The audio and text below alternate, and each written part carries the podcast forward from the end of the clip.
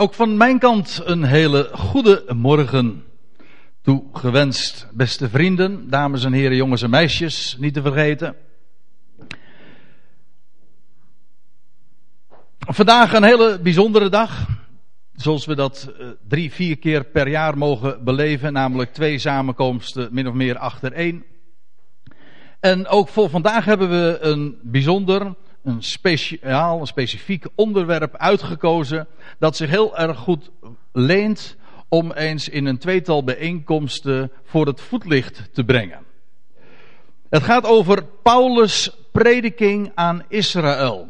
En voor degenen die hier gewend zijn te komen of die anderszins de, de boodschap van de Goed Bericht site bijvoorbeeld kennen, want er zijn er hier nogal ook vandaag hier voor het eerst zijn en die via de website goedbericht.nl hier zomaar terechtgekomen zijn. Soms van heinde en ver, uit Groningen, uit Friesland, uit Apeldoorn. Wat heb ik allemaal eh, nog meer vernomen? Nou, in ieder geval, ik wou bijna zeggen uit alle volkeren, stammen en naties.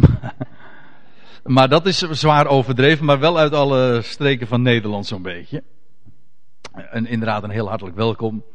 Ook voor uh, jullie. Maar voor degene die de boodschap verstaan, die we hier ook eh, de, de zondagen mogen doorgeven, die weten hoe belangrijk het is om de apostel Paulus te begrijpen. En dat we daar ons licht zouden opsteken. Nou, daar willen we vandaag ook eens wat meer speciaal bij stilstaan. Maar dan niet zomaar in het algemeen over Paulus' prediking, maar meer, meer speciaal nog ingezoomd op Paulus' prediking aan Israël. Kijk, de Bijbel die heeft de reputatie een doolhof te zijn. Eh, u kent wellicht wel het verwijt dat wel eens zo stilzwijgend klinkt. Ik heb het heel vaak gehoord ook van, van kerkmensen. Die zeiden van ja, als je je dan beroept op de Bijbel, zeg je ja, met de Bijbel kun je alle kanten op. En daar ziet je niet zoveel mee op natuurlijk. Want als je alle kanten ermee op kunt, dan kun je er dus ook de verkeerde kant mee op. Ja, dat betekent dus dat je in feite met de Bijbel geen kant op kunt. Nee, daar komt het eigenlijk op neer. Ja, want waar begin je in die Bijbel? lees iets in Leviticus over de spijswetten, over de kosher wetgeving, of over de hoogtijdagen, of over de Sabbat. Of eh, je slaat open bij de evangeliën. En je vindt daar de boodschap van de Heer Jezus. En dan zegt hij in Matthäus 10, ik noem zomaar even een dwarsstraat. En dan zegt hij tegen de, tegen de twaalf van, ga weg. Dat wil zeggen, ga heen en predik het evangelie. Maar ga, betreed niet de weg der heidenen. Ga zelfs niet naar de Samaritanen toe. Je bent gezonden tot de verloren schapen van het huis Israëls. Maar als je een aantal hoofdstukken dan later leest, in Matthäus 28, dan lees je, ga heen, maak alle volkeren tot mijn discipelen. En dan, dan, dan stel je toch de vraag, zeker als je gewend bent, en zo zijn vele mensen gewend de Bijbel te lezen, dat ja, ze, ze lezen dat en ja, het is Gods woord, dat hebben ze dan geleerd, dat kan eigenlijk ook niet missen. Maar als je dat zomaar lukraak op jezelf toepast, ja, wat moet je dan op jezelf toepassen? Waar moet je beginnen? En als die Bijbel een doolhof is, volgens velen, je kunt, waar, waar begin je? Het komt er gewoon op neer, je hebt iemand nodig die je de weg wijst. In dat woord. En als je daarbij te raden zou gaan, zomaar op, op mensen, op, op een willekeurige bijbelleraar, dan zeg je ja, wie dan? Kijk, voor het, voor het verstaan van de schriften heb je een, een gids nodig, een leermeester.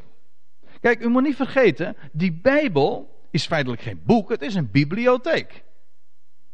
Van een heleboel boeken, van 70 boeken, volgens een andere telling 49 en het is volgens mij allebei heel erg mooi. In ieder geval een veelvoud van 7. Maar die woorden Gods, zo, zoals ze zelf ook zegt, die woorden Gods zijn ooit aan het volk van Israël toevertrouwd. Hunner, zegt Paulus in Romeinen 3, vers 3. Wat is het voorrecht van de Jood? Wel, in de eerste plaats dit. Hunner zijn de woorden Gods toevertrouwd. Die Bijbel is een, is een, een boek van Israël. En wij zijn door de bank genomen. Hè. We hadden net viel de naam Mozes en er zijn er wel meer. Maar goed, dat zijn dan mensen met een Joodse achtergrond. Maar door de bank genomen zijn wij mensen uit de heidenen, uit de niet-Joden. En dan stel je toch de vraag van, uh, wat moeten wij met, met dat woord? Wie leidt ons daarin? Wel, ik kan u dit vertellen en dan kom je dus ook uit bij de apostel Paulus. Want van de, de apostel Paulus die zegt op meerdere plaatsen, geeft hij zijn identiteitskaartje af. En hij zegt van wie hij nou is en waartoe hij ook geroepen is. En hij zegt in 1 Timotheus 2, hij zegt ik ben daartoe als een verkondiger en een apostel gesteld. En dat, dat verwijst natuurlijk naar het voorgaande, want hij had net gesproken over, ja, er is één God. Er is één middelaar. En dan staat er Christus Jezus die zichzelf gegeven heeft tot een losprijs voor allen. Dat is het voorgaande, vers 6. En dan zegt hij in vers 7, en ik ben daartoe als een verkondiger. Letterlijk staat er een heraut. En een apostel gesteld. Hij zegt, ik spreek waarheid, geen leugen als een leermeester van de heidenen in geloof en waarheid. Kijk, die Bijbel is misschien een moeilijk boek. Maar dat is geen probleem, want God legt zijn woord zelf uit. In dat woord heeft hij ons een leermeester gegeven. Iemand, wij zijn mensen uit de natieën, zoals we hier ook zitten. En hij heeft ons een leermeester gegeven, een onderwijzer, een gids, iemand die ons de weg wijst. En het is zo geweldig om Bijbelstudie te doen en daarbij ook werkelijk in de volle zin van het woord voorgelicht te worden. En te weten hoe je die Bijbel moet benaderen. Kijk, en dan als je bij hem uit begint, als je achter deze gids aanloopt, waarvan uh, die God daartoe ook heeft gesteld, dan ga je de rest van de Bijbel ook begrijpen. Als je de Bijbel open doet en je laat je leiden door het, het licht van deze gids, dan, dan, dan ontwaren zich zulke geweldige perspectieven. Dan ga je bijvoorbeeld begrijpen dat de wet een, aan het volk Israël is gegeven. Voor een speciale tijd. 430 jaar na de belofte die hij ooit aan Abraham had gegeven. En ook tot op een bepaalde tijd. De wet is een tuchtmeester geweest voor Israël. Tot op Christus. De opgestane. En dan ga je ook begrijpen bijvoorbeeld dat de evangelie. Dat, dat, dat we daar in het verslag vinden van, van Jezus Christus. Jazeker maar die gezonde was tot de verloren schapen van het huis Israëls. En dat je, je kunt natuurlijk wel, je kent die Nieuwe Testamenten, waarbij alle woorden van Jezus zo rood geasseerd of rood gekleurd zijn. En daarmee is dan ook gemarkeerd van, ja, dat is nou eigenlijk waar het allemaal om gaat. Maar meestal berust het op een misverstand. Het hele idee is dat, dat de woorden van Jezus daarbij voor ons de, het leidraad zou zijn, zouden zijn. De leermeester. Nee, God heeft een andere leermeester gegeven. En de woorden van Jezus, hoe geweldig ook, maar we dienen wel te verstaan dat dat brood is. En ik, zeg, ik citeer nou de woorden van Jezus zelf. Dat dat brood is, voedsel is, woord is voor de kinderen Israëls. En het is niet goed om dat zomaar aan de heidenen te geven. Inderdaad, de kruimeltjes zijn ook voor ons. Maar het is brood voor de kinderen Israëls. Kijk, zulke dingen kom je nou allemaal op het spoor aan de weet wanneer je, wanneer je Paulus verstaat. En wanneer je je laat leiden door het onderwijs dat hij heeft gegeven. Hij is die leermeester van de natie. In geloof en waarheid. Hij benadrukt dat diverse keren met grote kracht. Hij zegt, ik spreek waarheid, geen leugen. Een ander ding is, maar dat ligt helemaal in het verlengde en ik heb er een sleutel bij vermeld, omdat het feitelijk ook een sleutel is, een van de sleutels is, die zo belangrijk zijn voor het verstaan van de schrift. Gelaten 2. Daar vind je dat Paulus zich ook uh, voorstelt en beschrijft waartoe hij geroepen is. En dan staat er in vers 7, ik, ik val zomaar midden in dat gedeelte. Er staat er in vers 7 En als zij, dat waren degenen die daar uh, op die vergadering waren, of in die vergadering waren in Jeruzalem, dat waren onder andere ook zijn collega-apostelen, Petrus en Johannes en Jacobus. Ze waren daar uh, vergaderd in Jeruzalem en zij zagen aan mij, dat aan mij, dat is aan Paulus, het evangelie, als, als u het goed leest, als u een statenvertaling bijvoorbeeld hebt, dan staat het volkomen correct. Daar staat dat aan mij het evangelie van de voorhuid toevertrouwd was. Helaas hebben de andere vertalingen, de NBV en de NBG, ervan gemaakt het evangelie aan, aan de heidenen. En u, weet, de voorhuid, dat is een, beetje een technische uitdrukking, maar de Bijbel spreekt over de besnijdenis. Dat zijn dat is het Joodse volk, de, degenen die besneden zijn. En degenen die niet besneden zijn, de natieën, de heidenen, dat is de voorhuid.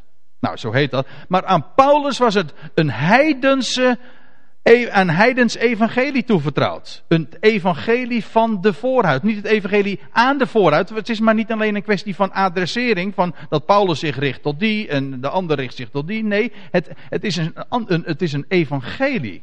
Het evangelie van de voorhuid was aan Paulus toevertrouwd. Een heidense boodschap. En dan staat er even verder. Gelijk aan Petrus dat van de besnijdenis. Dat is, een, dat is zo belangwekkend om dat te zien. Dat er dat aan, aan de ene kant daar het evangelie van de besnijdenis is. Dat Petrus verkondigde. Weet u wat het evangelie van de besnijdenis is? We gaan het daar vandaag ook uitgebreid ook over hebben. Het is eigenlijk het is inleiding. Maar ik wil u eerst eventjes ook uh, in de moed brengen. Om uw, uw aandacht erop te vestigen. Hoe belangrijk deze verschillen zijn. Kijk, aan, kijk, Petrus was die man die daar op het tempelplein. Vlak op, na de Pinksterdag een geweldige boodschap hield voor, voor, zijn mannenbroed, voor de mannenbroeders van het volk Israël.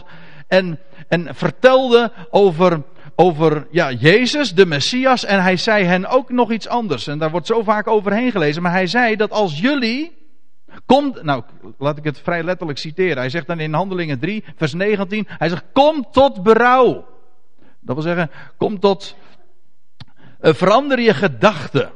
Denk na. Kom tot bezinning en bekering. En dan staat erbij opdat er tijden van verademing mogen komen. En God, Jezus, zal terugzenden naar deze wereld. En dat dan de tijden van de wederoprichting zullen aanvangen. Ik citeer wat vrij. De tijden van de wederoprichting, dat wil zeggen, alles waarvan de profeten hebben gesproken, zal dan in ere worden hersteld. Dat wil, dat wil zeggen, dan zal dat vrederijk aanbreken. Als Israël tot bekering komt, als Israël tot bekering komt, dan, dan zal de Messias terugkeren en zijn vrederijk hier op aarde bouwen. En hij zal Israël het hoofd worden van de hele volkerenwereld. De, de profeten in het Oude Testament spreken daar wijd en zijd over. Altijd weer. En Petrus zegt, die tijden, die liggen nu zo, die liggen zo aan de poort. Ik zou haar zeggen aan de schone poort, maar dat is een beetje typologie, want dat is precies wat er aan de hand was. Die man, er lag een verlamde man aan die schone poort, weet u nog? Nou, naar aanleiding van die, de genezing vertelt Paulus dat, of vertelt Petrus dat. Dat wil zeggen, de breken, dan zullen er tijden aanbreken, dan zal het Messiaanse Rijk aanvangen. Dat was dat evangelie van Petrus. Dat, dat evangelie van de besnijdenis. Dat wil zeggen, dat geweldige voorrecht van het volk van Israël. Dat als zij tot geloof zouden komen, dan zou het Messiaanse Rijk aanbreken. En dan zou Christus, de Messias, zijn koninkrijk vestigen. Dat was het evangelie van de besnijdenis. Dat Petrus verkondigde met zijn collega, de, de twaalfen. En waarom de twaalfen? Wel, de twaalf staat ook voor, het, voor Israël. De twaalf stammen. Hè? Maar dat is, een, dat is een andere boodschap. Het is van één Heer. Dat is waar. Er staat, zij zagen dat aan mij het evangelie van de voorhuid toevertrouwd was. Dat wil zeggen, Paulus had het evangelie van de voorhuid van Gods wegen, van Christus ontvangen, zoals Petrus al eerder ooit het evangelie van de besnijdenis. Dat was deze boodschap. Als Israël zich bekeert, dan komt de Messias, dan breekt het koninkrijk aan. Even in een notendop, maar daar komt het op neer. Nou, en dan lees je nog even verder in vers 9. En als Jacobus dan, en Kefas, dat is Petrus, en Johannes. Heel grappig hè, maar deze namen, zo vinden we ze ook in het Nieuwe Testament vervolgens. Die hele indeling van het Nieuwe Testament is hierop gebaseerd. Je hebt de brieven van de apostel Paulus en dan krijg je achterin in onze Bijbel, dat ze achterin staan, dat is niet correct, maar dan krijg je de brieven van Jacobus, de, brieven van, de brief van Jacobus, de brieven van Kefas, van Petrus en de, en de geschriften van Johannes. Ja.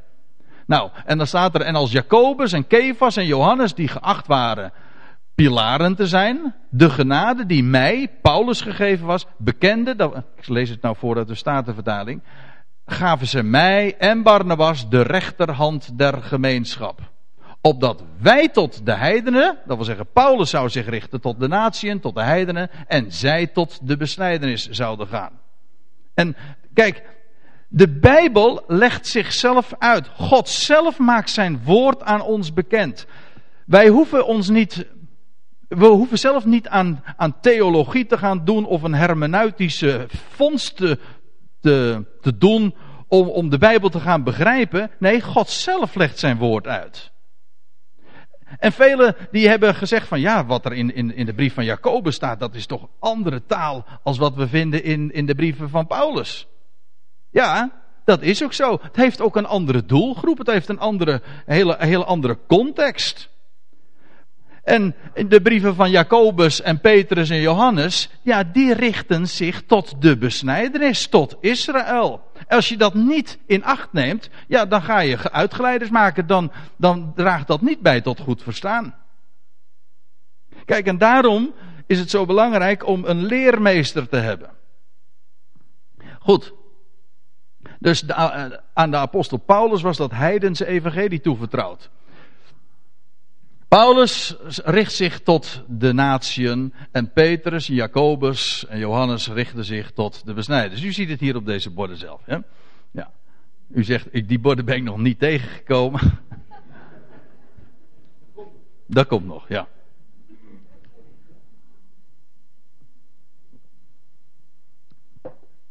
Nee, ook niet als, uh, toen u vanuit uh, Groningen hier kwam.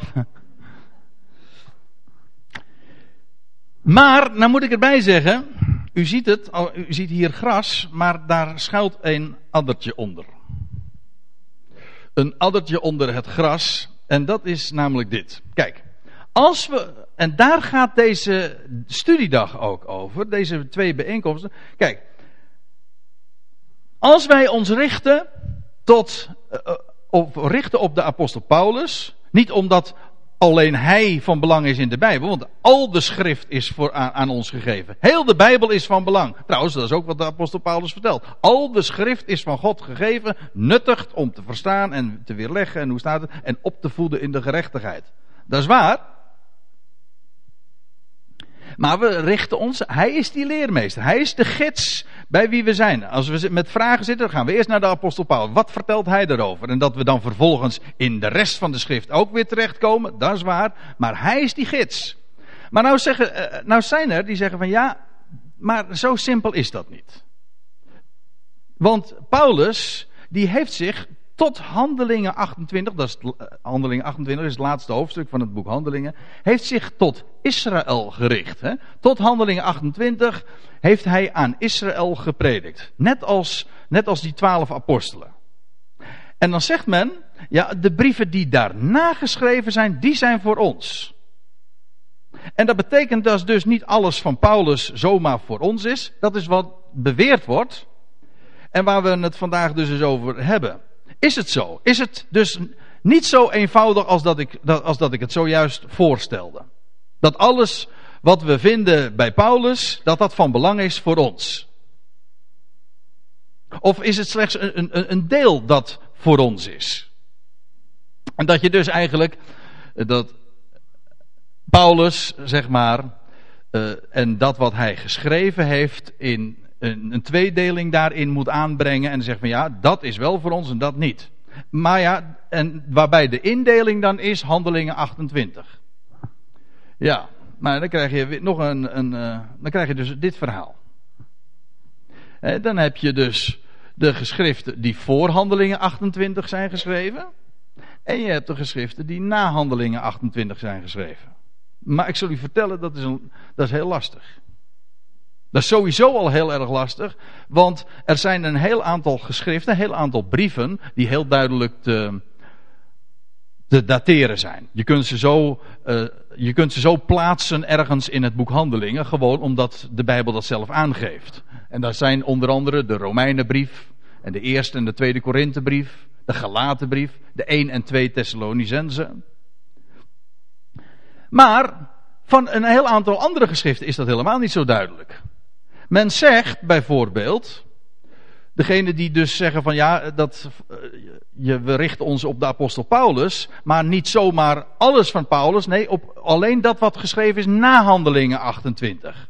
Als je dat zegt, dan kom je dus voor de vraag, ja, welke brieven zijn geschreven na handelingen 28? En dan zegt men meestal dit. Ja, dat zijn de brieven Efeze, Colossense, of de Filippense brief, ook de 1 en 2 Timotheus, Titus en Philemon. Maar dat laat zich uh, heel moeilijk bewijzen. Er zijn er namelijk ook die zeggen van nee, dat zijn de veel minder brieven. Alleen Efezebrief, de Colossensebrief en de Filippense brief. Die zijn, die zijn na handeling 28, die andere zijn ook voor handeling 28. En er zijn er ook nog die zeggen van nee, het zijn er nog minder. Alleen de Efeze en de Colossensebrief. Die zijn na handeling 28 geschreven. Dat laat zich heel moeilijk bewijzen. Wanneer dat geschreven is. Maar u begrijpt wel, dit maakt het, terwijl ik zo de zaal in kijk, zie ik van ja, dit maakt het alleen maar, dit maakt het wel complexer. Zo eenvoudig als dat ik het zojuist voorstelde, van dat is, die Bijbel die mag een moeilijk boek zijn, maar dat is niet zo. Als we een leermeester hebben, als we ons laten leiden door die gids, dan laat zich alles verstaan. Dan, dan opent de Bijbel zich als vanzelf. Van Gods wegen is Hij de leermeester. Maar als we een tweedeling moeten gaan aanbrengen in de geschriften van Paulus, dan wordt het heel complex, dan wordt het ingewikkeld. Wat is voor en wat is na Handelingen 28 geschreven? Maar ik moet er wel bij zeggen, men heeft wel een punt. Men zegt van ja, maar Paulus richtte zich in eerste instantie, of in het boek Handelingen lees je, dat hij zich toch altijd eerst richt tot Israël. Dat klopt. Nou, laat ik eens beginnen in Handelingen 9.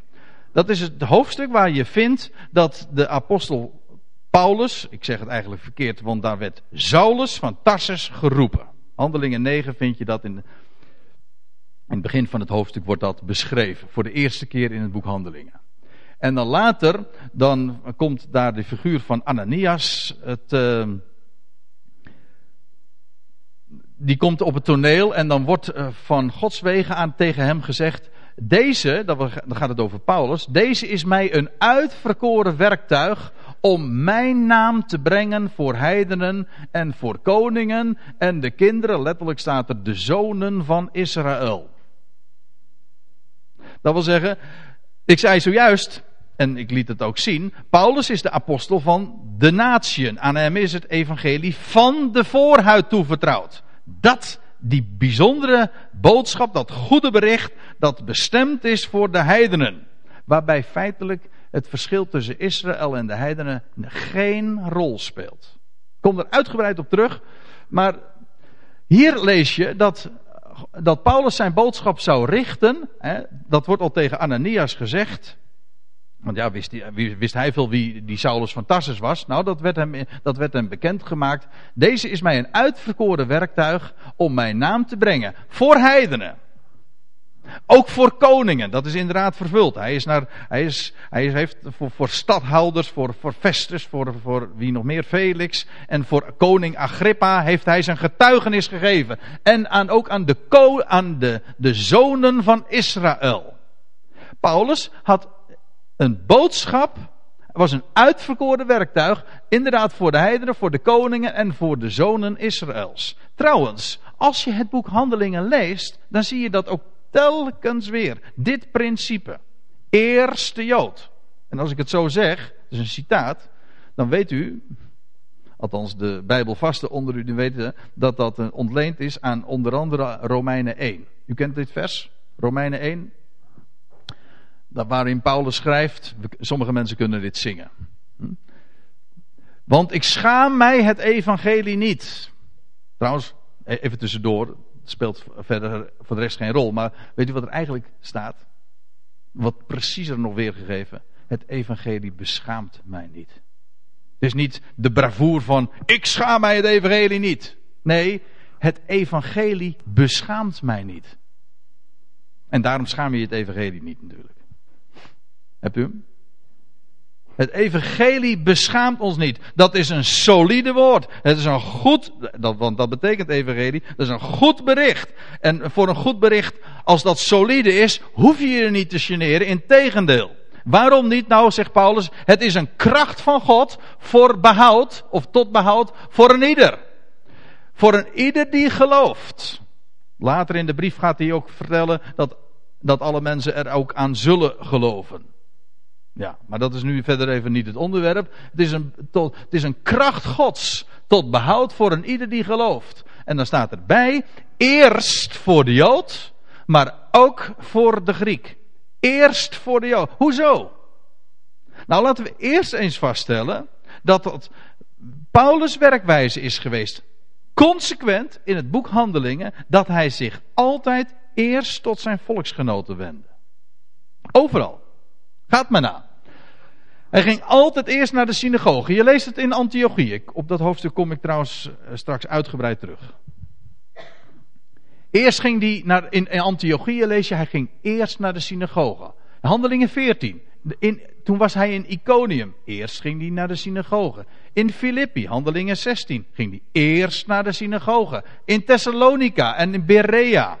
Weet u wel, waar die mensen zich zo gunstig onderscheiden. Waarom? Omdat ze alles nagingen in de schriften of deze dingen al zo waren. Ik hoop trouwens dat ik zo'n publiek ook hier heb. Die zeggen, die andere Piet die kan natuurlijk wel van allerlei dingen vertellen. Dat is misschien mooi of niet mooi, dat maakt me niet uit. Maar klopt het? Daar gaat het om. Of het mooi is, is niet eens de eerste plaats. De vraag. De vraag is, klopt het? Is het waar? Ja, dat nou die Bereërs die vroegen zich dat af en ze gingen in de, zelf in de schrift. Nou, ze luisterden aandachtig wat hij te vertellen had. Nou, zo'n publiek, uh, wie, welke spreker wenst zich dat niet natuurlijk. Hè? Maar dat is de helft van het verhaal, want het belangrijkste komt thuis. Dat is, ga na, check. Klopt het? Komt het overeen met wat er in de schrift staat? Ik hoop trouwens dat u wel dit criterium aanlegt en niet een ander criterium. Daar kwam ik van de week nog weer achter. Die, die had ook uh, mooie dingen van me gehoord maar, ja, via de website. En die zei van ja, maar ik heb het tegen de predikant verteld. En die was er niet, zo, die was er niet blij mee. Nou, gelukkig was, uh, was, wist zij heel goed waar ze werkelijk de licht moest opsteken. En dat bedoel ik helemaal niet naar, naar, naar welke predikant of dominee of kerkgemeenschap ook. Daar gaat het me niet om. Maar het gaat erom, er is maar één criterium. Niet wat zegt de traditie, niet wat heeft Calvijn of Luther of weet ik veel wie erover gezegd.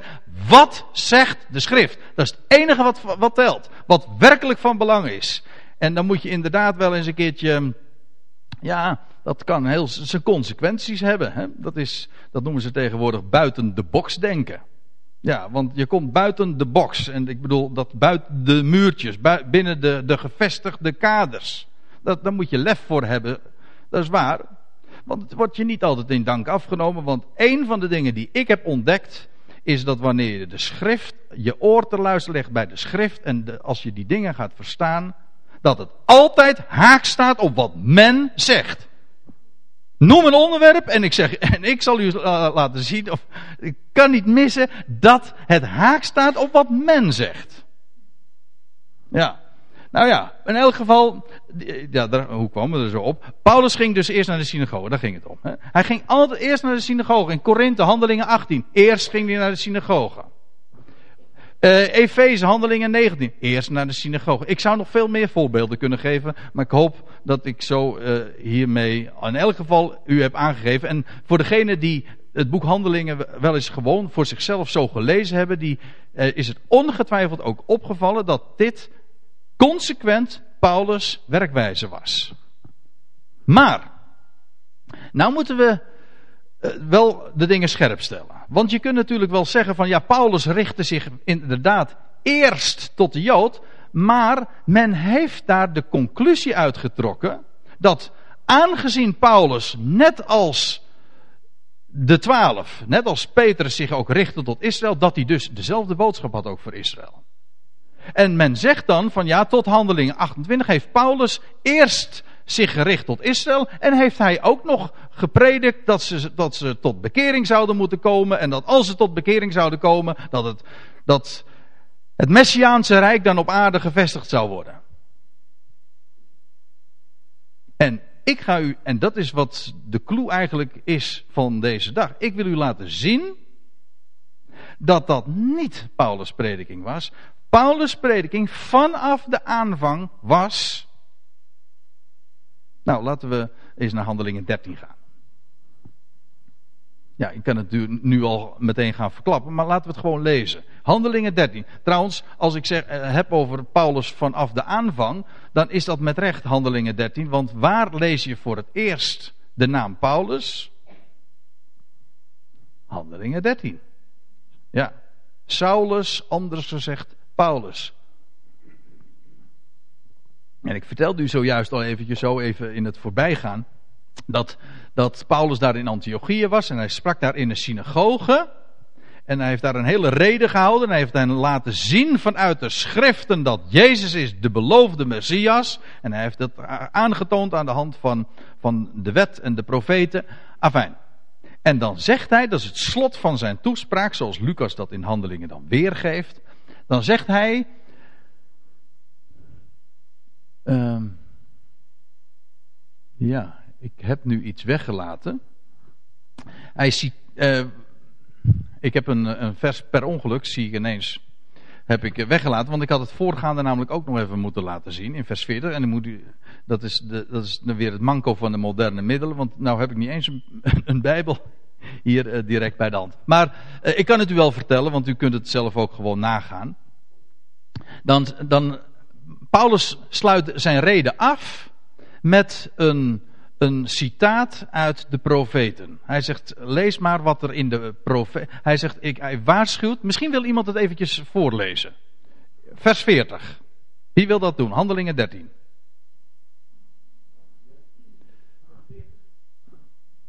Ja? Ja.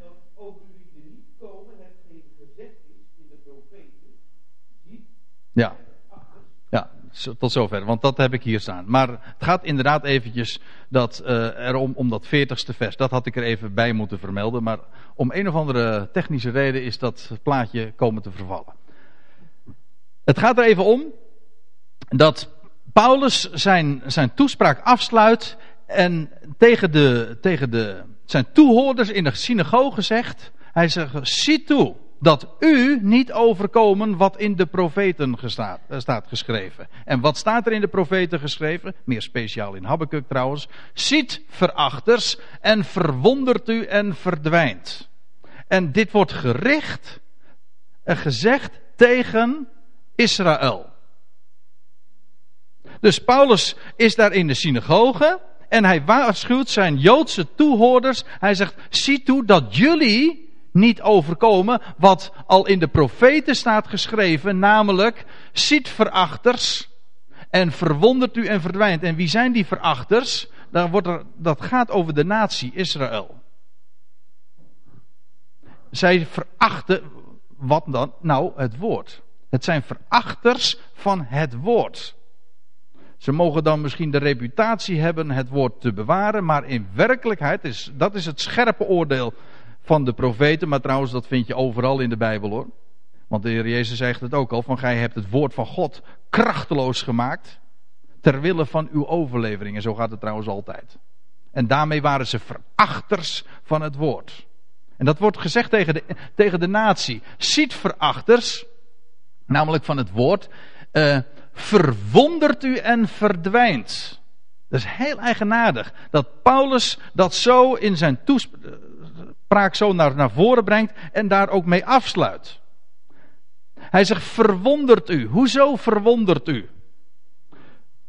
Kijk, verwonderen heeft te maken met je, afvragen van wat er aan de hand is. Je, je, in het Engels zeggen ze, I, I wondering. Dat wil zeggen, ik vraag me af. Je weet niet wat er aan de hand is. Er, er gebeuren dingen die je niet kunt verklaren. Of dingen, er gebeuren dingen die je niet verwacht had. In de dagen van het boek Handelingen verwachtte men, en dat verwachtte trouwens ook de twaalfen en Petrus, hè, dat Israël zich zou bekeren. En dat was de boodschap. Israël moest zich bekeren. En wat er dan zou gaan gebeuren, dat was het, het aanbreken van het Messiaanse Rijk. Maar er gebeurde iets anders. Israël bekeerde zich niet. En wat gebeurt er dan? Nou, het Messiaanse Rijk breekt, breekt niet aan. En dat, dat wil zeggen, het koninkrijk werd niet openbaar. Het bleef verborgen. De koning blijft ook verborgen.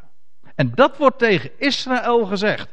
En, en Paulus die, die haalt dat ook zo aan. Hij zegt, jullie, eh, jullie zijn, uh, als natie is Israël een verachter van het woord, maar ze zullen zich verwonderen. Dat wil zeggen, er zullen dingen gebeuren die men niet verwacht had, die men niet kan plaatsen. En er gebeurt nog iets met Israël. En dat heeft daar helemaal alles mee te maken, namelijk ze verdwijnen. Ziet verachters, verwondert u en verdwijnt. Dit is een, aanzegging van, van, van gebeurtenissen die in de dagen dat Paulus dit zei nog toekomst waren. Maar het wordt al aangekondigd. Hier in Handelingen 13, het hoofdstuk dat Paulus voor het eerst zich gaat richten tot de heidenen. Maar dan zegt hij al, de natie Israël, dat zijn verachters van het woord, maar ze zullen zich verbazen. Ze zullen zich verwonderen. Ze zullen niet begrijpen wat er nu gebeurt. En wat, wat zal er met de natie gebeuren? Wel, ze worden, ze gaan ten onder. Ze, met, letterlijk en figuurlijk zullen ze van de kaart worden geveegd. En Israël is inderdaad een aantal jaren later, in het jaar 70, is als natie verdwenen. De, de, de Joden zijn verstrooid onder alle volkeren. En de stad Jeruzalem is verbrand. De tempel is verwoest. En er is niets overgebleven van de natie. 40 jaar, exact 40 jaar nadat de Heer Jezus stierf en opstond, een generatie, een geslacht, gebeurde dit. En hoe goed dat bericht van Paulus ook was, het was een slecht bericht voor de natie, voor Israël. Want wat er zou gebeuren, is dat ze, ja, ze zouden zich verbazen over wat er aan de hand was, maar de natie zou verdwijnen. In plaats van hersteld te worden, wordt er aangezegd, jullie zullen niet hersteld worden. Integendeel, jullie zullen verdwijnen. Inderdaad, voor een tijd, maar niettemin, jullie zullen verdwijnen. Dat zegt Paulus al in Handelingen 13 dus, hè? En hij vervolgt dan nog in vers 41. Want, zegt hij, ik werk een werk in uw dagen, een werk dat gij voorzeker niet zult geloven als iemand het u verhaalt. Gewoon als natie zou Israël het niet geloven. En hij, hij spreekt de Joden aan. Hij ging naar de synagoge niet om te vertellen dat Israël een geweldige, glorieuze toekomst te wachten stond. Gewoon in hun dagen. Nee, in tegendeel, Israël zou van de kaart verdwijnen. Israël zou niet hersteld worden. Het Messiaanse Rijk zou niet aanbreken. En hij zegt van, er zijn er onder jullie die wel geloven. Dat is een minderheid, dat is niet de natie. En daarom ging Paulus naar de synagoge. Niet om het geheel aan te spreken, niet om Israël als natie op te roepen tot bekering, maar om individuele Joden, sommigen uit hen, op te roepen. Hij zegt, ik werk, want God zou een werk gaan werken in hun dagen. Een werk dat gij, Israël, voorzeker niet zult geloven. Dat wordt tegen Israël gezegd. Israël als natie zou het niet accepteren. Als iemand het u verhaalt. Ja. We gaan naar een, een brief. We, gaan zo. We blijven met name in het boek Handelingen, maar ik zal het u ook aan de, aan de hand van de brieven uh, duidelijk proberen te maken. Romeinen 11, daar lees je in vers 13. ja, we vallen midden in het gedeelte, maar daar schrijft Paulus: Juist omdat ik apostel van de heidenen ben. Daar hadden we het weer. Hè? We hadden het al eerder over dat hij de leermeester is van de natie. Maar hij is de apostel ook. Hè? De, van de natieën. Hij zegt, maar ik acht dit de heerlijkheid van mijn bediening, dat ik zo mogelijk de naijver, die jaloezie van mijn vlees en bloed, dat wil zeggen van mijn volksgenoten, van mijn broeders naar het vlees, mocht opwekken. En dan zegt hij erbij, en enige uit hen redden. Eh, uit enige uit hen behouden. Niet, hij hij, Paulus wist heel goed dat Israël als natie, als overgroot deel, ongelovig zou zijn. Maar eh, de heerlijkheid van Paulus' bediening was dat hij sommigen onder hen, enige uit hen, zou redden daarvan. En zou mogen brengen tot het geloof in Jezus de Messias. Hij wist, er komt een moment dat Israël inderdaad de Messias zou accepteren. Maar niet in zijn dagen. Dat is heel revolutionair geweest voor de apostel Paulus. Dat kan ik u wel vertellen. En we zullen het daar vanmiddag nog uh, uh, wat uitgebreider op, op, uh, op ingaan. Wat dat inderdaad voor hem betekend heeft. Maar hier ziet u dus dat Paulus niet de natie als geheel op het oog had, maar enigen uit hen. Ja, want zegt hij er nou nog bij, want indien hun verwerping, vers 15, want indien hun verwerping de verzoening der wereld is, wat zal hun aanneming anders wezen dan leven uit de doden? Kijk, wij leven nu in de tijd dat Israël verworpen is, terzijden gesteld is.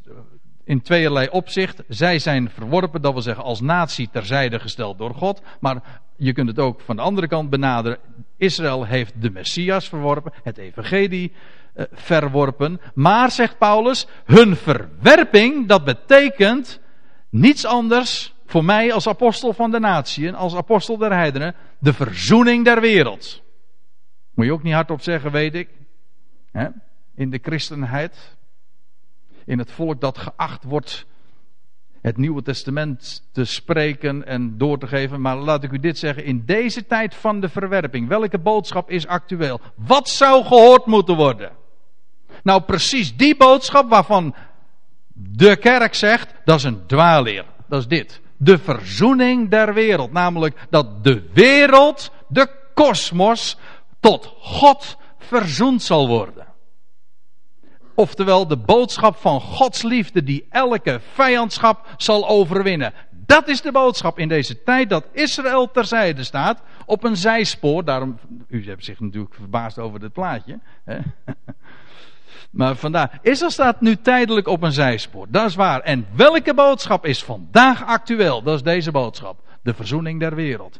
Dat gepredikt zou worden. De redder van alle mensen. Daar gaat het om. En dan mag Israël, mag er een donkere tijd zijn aangebroken en ze zich verbazen over wat er aan de hand is. Niet begrijpen waarom het koninkrijk is openbaar geworden. Of niet is openbaar geworden. En waarom de natie Israël verdwenen is. En hoe, waarom het al twee dagen van duizend jaar zo slecht gaat met, met dat volk. En dat het zo verdrukt is geweest. En zoveel tegenslag. En zoveel heeft moeten ondervinden. Ja, maar onderwijl is er een boodschap vandaag zo actueel. Dat zou geherouwd moeten worden. Heel de wereld moet één ding weten. God is inderdaad niet veranderd. God is liefde. De verzoening der wereld. In deze tijd van verwerping. Israël op een zijspoor, ja. Dan ga ik nog even weer terug naar Handelingen 13. Want het is een studiedag.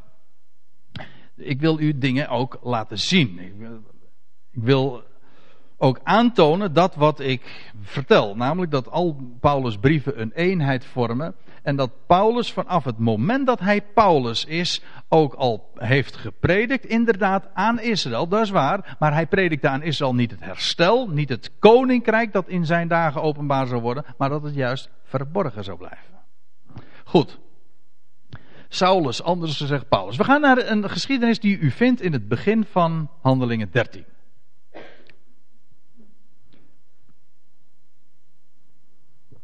Moet er een beetje vluchtig doorheen gaan. Maar dit is heel illustratief. Heel illustratief voor wat hier aan de hand is. Voor wie Paulus is. Waarom heet hij nou Paulus? Hij, want zijn naam was toch anders? Hij heette toch Saulus? Maar waarom werd het dan Paulus? Nou, vers 6, handelingen 13. En na het gehele eiland, het gaat hier over het eiland Cyprus. En na het gehele eiland doorgetrokken te zijn tot aan Paphos aan toe, dat wil zeggen aan de, dat ligt aan de westkant van dat eiland, troffen zij een zekere tovenaar aan, een valse profeet, en daar staat er zo heel veelzeggend bij, een Jood. Wiens naam was, daar was niks mis mee trouwens, Bar Jezus. Ja, maar het was een Jood. En hij hield zich op bij de landvoogd Sergius Paulus. Heel, heel frappant, heel eigenaar. Hier, vind, hier komen we voor de eerste keer trouwens de naam Paulus tegen.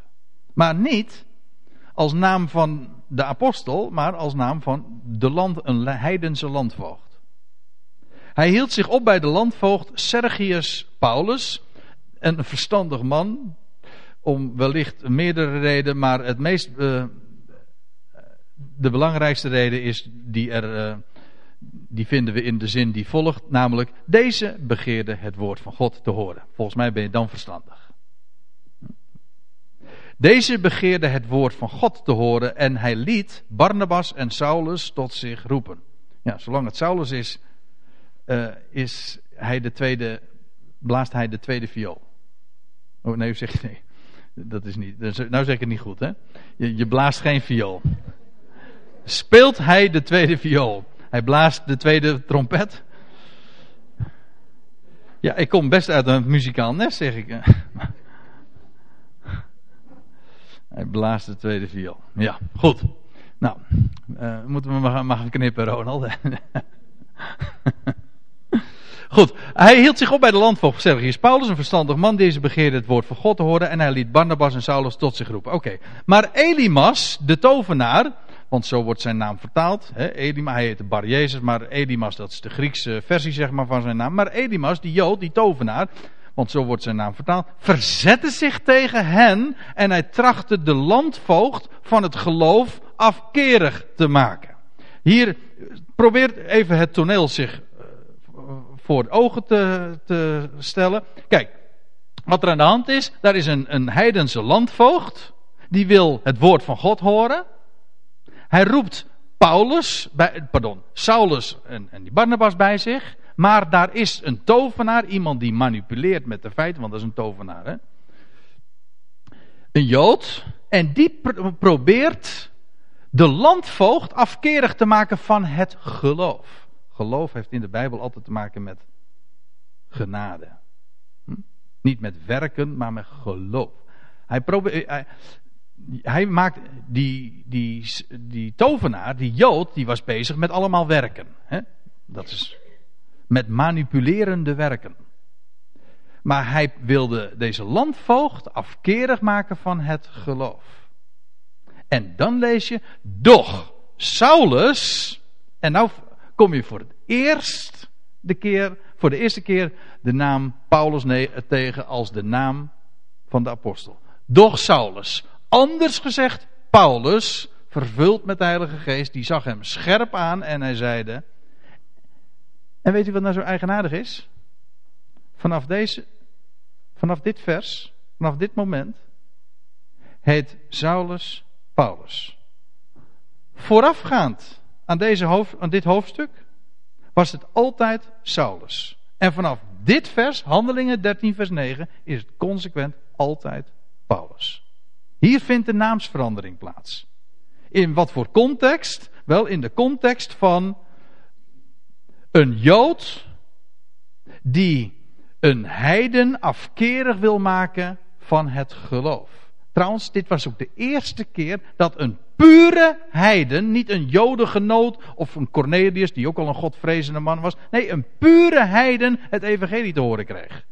En op dat moment ja, is daar een Jood. En, en dan lees je dat. Doch Saulus, anders gezegd, Paulus, vervuld met de Heilige Geest, die zag hem scherp aan en hij zeide: Ja, nou, dat is niet misselijk hoor, wat hij dan zegt. Zoon van de diabolos, de door elkaar gooier.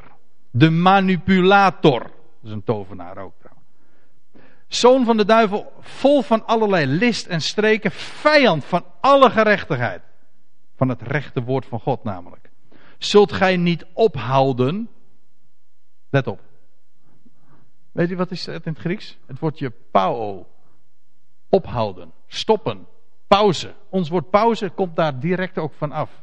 Maar Paulus heeft daar ook alles mee te maken. Pauze, onderbreking, stoppen. Dat is wat, dat is wat Saulus, anders zegt Paulus, hier ook doet. Voor de eerste keer in zijn leven, voor de eerste keer dat het in handelingen verhaald wordt, wordt een pure heiden geconfronteerd met het woord van God. En op datzelfde moment wordt tegen een Jood, een manipulator, wordt er gezegd van, zoon van de duivel, uh, vijand van alle gerechtigheid, zul jij niet stoppen, zul jij niet ophouden. En dan wordt, die na, dan wordt een woord gebruikt dat ook ten grondslag ligt aan dat, de naam Paulus. Zul je niet ophouden de rechte wegen van de Heeren te verdraaien? En nu, zie, de hand des Heeren keert zich tegen u en gij zult een tijd lang blind zijn en de zon niet zien. En deze geschiedenis is zo illustratief. Voor de eerste keer, ik herhaal, voor de eerste keer in het boek Handelingen lees je hier dat een pure heiden, ik herhaal, een pure heiden, niet een godvrees, nee, een heidense landvoogd, het woord van God hoort en in diezelfde context een Jood die hem daar afkerig van wil maken. En dan de aanzegging krijgt te horen van, zul jij niet ophouden? Ja, hij zou inderdaad ophouden. Pauw! ja, ik, ben haast geneigd om dit te. Pauw, maar nee, dat bedoel ik niet. Uh, ophouden, stoppen.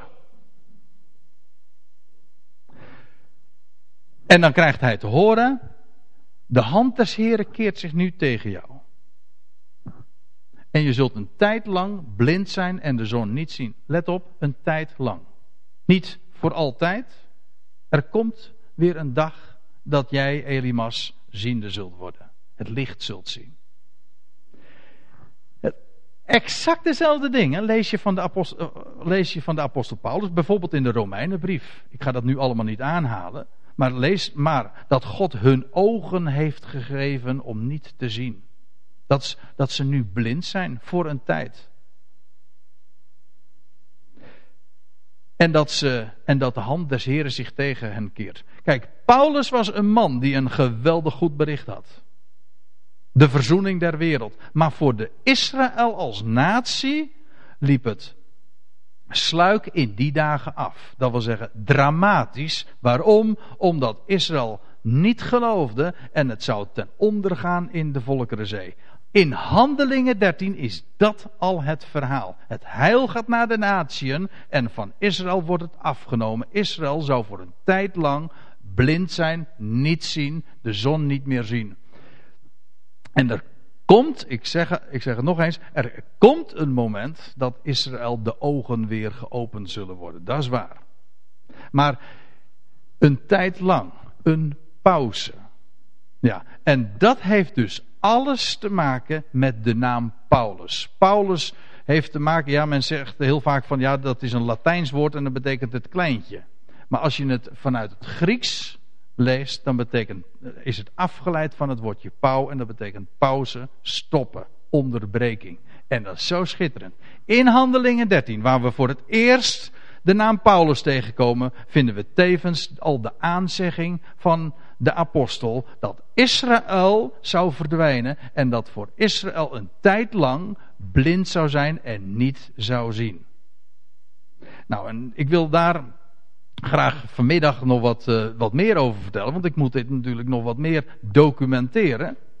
Maar goed, een eerste aanzet heb ik daarvoor nu al gegeven.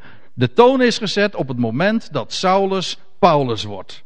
Het goede bericht dat gaat naar de natieën, de verzoening der wereld, maar voor Israël vanaf dat moment uh, krijgt niet meer de boodschap te horen van het herstel en van het Messiaanse Rijk dat zou aanbreken. Integendeel, het zou, het zou ondergaan in de Volkerenzee.